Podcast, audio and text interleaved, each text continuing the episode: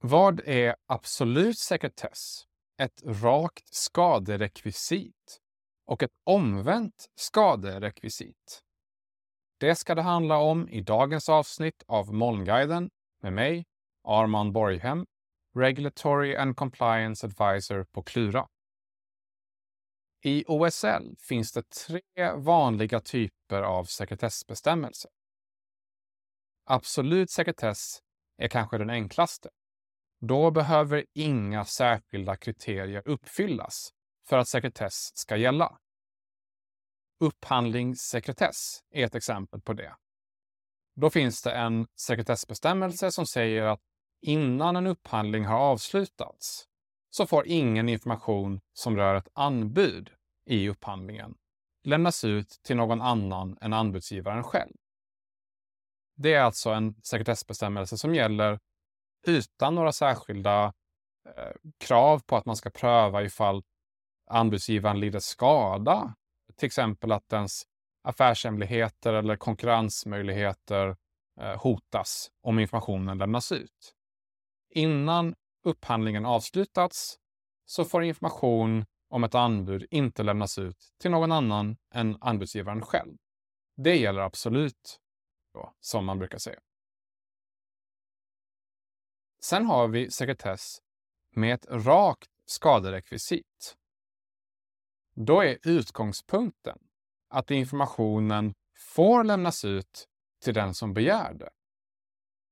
Men om en sån här sekretessregel gäller och eh, offentlighet då i praktiken är utgångspunkten, grundprincipen, då gäller ändå sekretess om det kan antas att ett utlämnande skulle leda till skada. Det kan till exempel handla om skada för den personliga integriteten.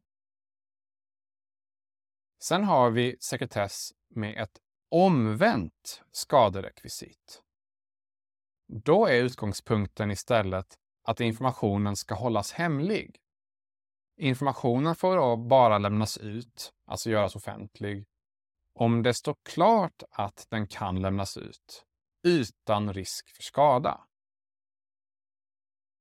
Det raka och det omvända skaderekvisitet handlar alltså om vad som är utgångspunkten. Eh, alltså ska offentliggörande eller hemlighållande vara grundprincipen i frågan om en uppgift får lämnas ut eller inte. Med ett rakt skaderekvisit som gäller för en viss typ av uppgift.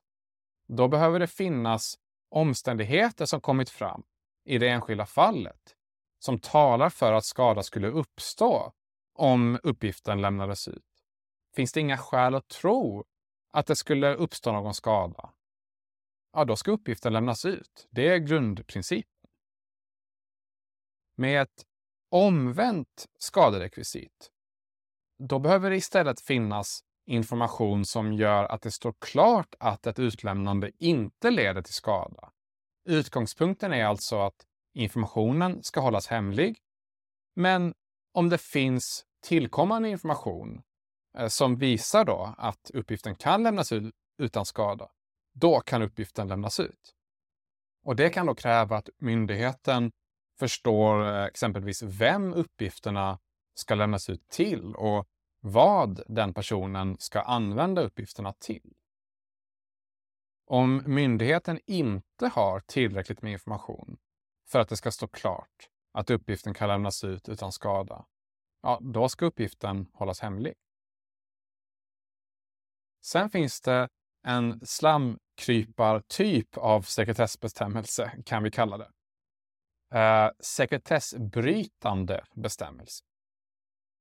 Och som det låter så kan en sekretessbrytande bestämmelse användas för att bryta igenom sekretess. Eh, en sekretessbrytande bestämmelse har sina egna kriterier för när den kan användas. Men om de kriterierna uppfylls eh, och den sekretessbrytande bestämmelsen då alltså går att använda, då kan en myndighet använda den här bestämmelsen för att lämna ut uppgifter även om sekretess i normalfallet hade gällt. Ett exempel på en sekretessbrytande bestämmelse det är regeln i tionde kapitlet, andra paragrafen A OSL. Eh, alltså den sekretessbrytande bestämmelse som kan möjliggöra utkontraktering av eh, teknisk bearbetning eller teknisk lagring av uppgifter. Men som sagt, då är det mycket viktigt att komma ihåg att även om en sekretessbrytande bestämmelse kan låta väldigt lockande, så är frågan om den går att använda. Och för det krävs det att myndigheten tittar noga på vilka kriterier som beskrivs i bestämmelsen. Eh, I fallet med eh, bestämmelsen för utkontraktering så behöver man till exempel titta på om eh, utkontrakteringen eh, inte är olämplig. Och i förarbetena till lagen så beskrivs det ett antal aspekter som en myndighet då ska beakta. Så att en sekretessbrytande bestämmelse kan vara eh, väldigt användbar, men ska ju användas på ett klokt sätt så att man inte lämnar ut uppgifter till en aktör som inte kan ge uppgifterna ett tillräckligt skydd. Tack för den här gången.